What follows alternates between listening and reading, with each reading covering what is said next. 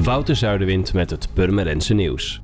Het duurde allemaal wat langer dan vooraf gedacht, maar de provincie Noord-Holland meldt dat morgen de sluisbrug weer open gaat voor alle verkeer.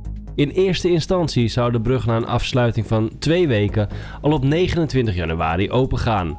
Maar gaandeweg de onderhoudswerkzaamheden werd duidelijk dat er meer reparaties nodig waren. Commissielid Hans Tulleners van Leefbaar Purmerend legt zijn politieke werkzaamheden tijdelijk neer. Hij kampt al enige tijd met pijnklachten die zijn dagelijks functioneren zodanig beperken dat hij zich gedeeltelijk ziek heeft moeten melden voor zijn werk.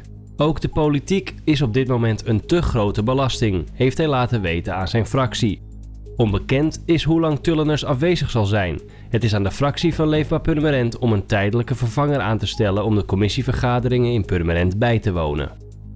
En Maxime Kooi van basisschool De Nieuwe Wereld in Weidevenne is de lokale voorleeskampioen van Purmerend. Hij won afgelopen zaterdag de voorronde van de nationale voorleeswedstrijd en mag op 14 maart in de bibliotheek in Tuitjehoren strijden voor een plek in de provinciale voorronde. Volgens juryvoorzitter Sharon Engers viel Maxime op door zijn rustige maar humorvolle manier van voorlezen.